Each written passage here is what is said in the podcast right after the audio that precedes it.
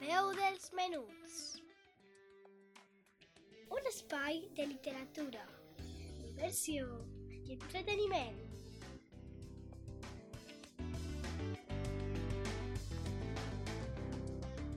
Amb Laia Esteve.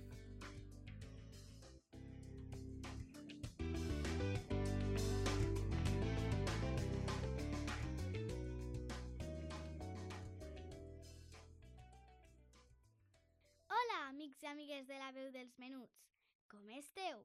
Espero que estigueu gaudint del dissabte.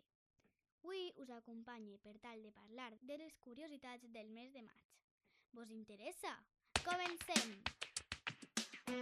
Els estudiosos pensen que l'origen del mes de maig prové de l'època romana, ja que va ser aquesta civilització la que va anomenar aquest mes Maius, un nom que prové de la deessa romana Maia, de la fertilitat, la floració i la salut. A més, el nom prové del llatí i Maius també podria derivar de Magnus, que vol dir gran, i està present en altres paraules com major o majestat. En el calendari gregorià és el cinquè mes de l'any i té 31 dies, però abans era el tercer mes de l'antic calendari romà, on gener i febrer no existien. Aquests estaven a l'acabament de l'any.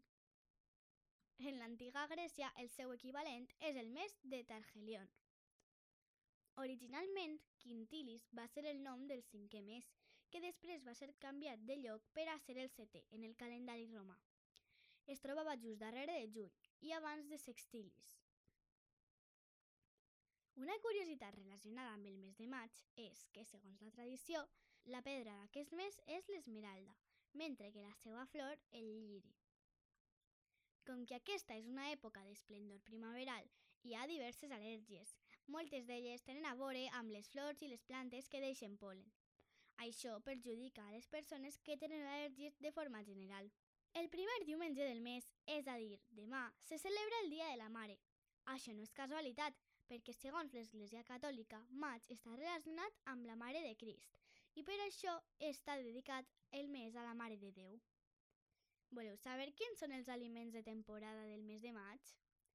Els més destacats poden ser les maduixes, el llimó, el carabassí, l'all, els espàrrecs, peixos blaus, albergínia, espinacs, albercoc, cirera, pruna, meló, nèspres i el meló d'aigua, entre altres.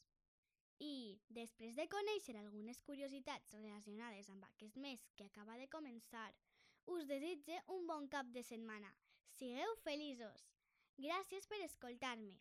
I, com sempre vos dic, cuideu-vos molt!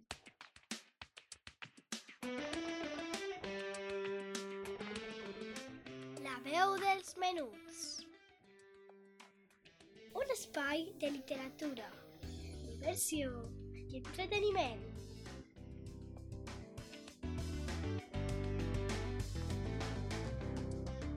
Amb Laia Esteve.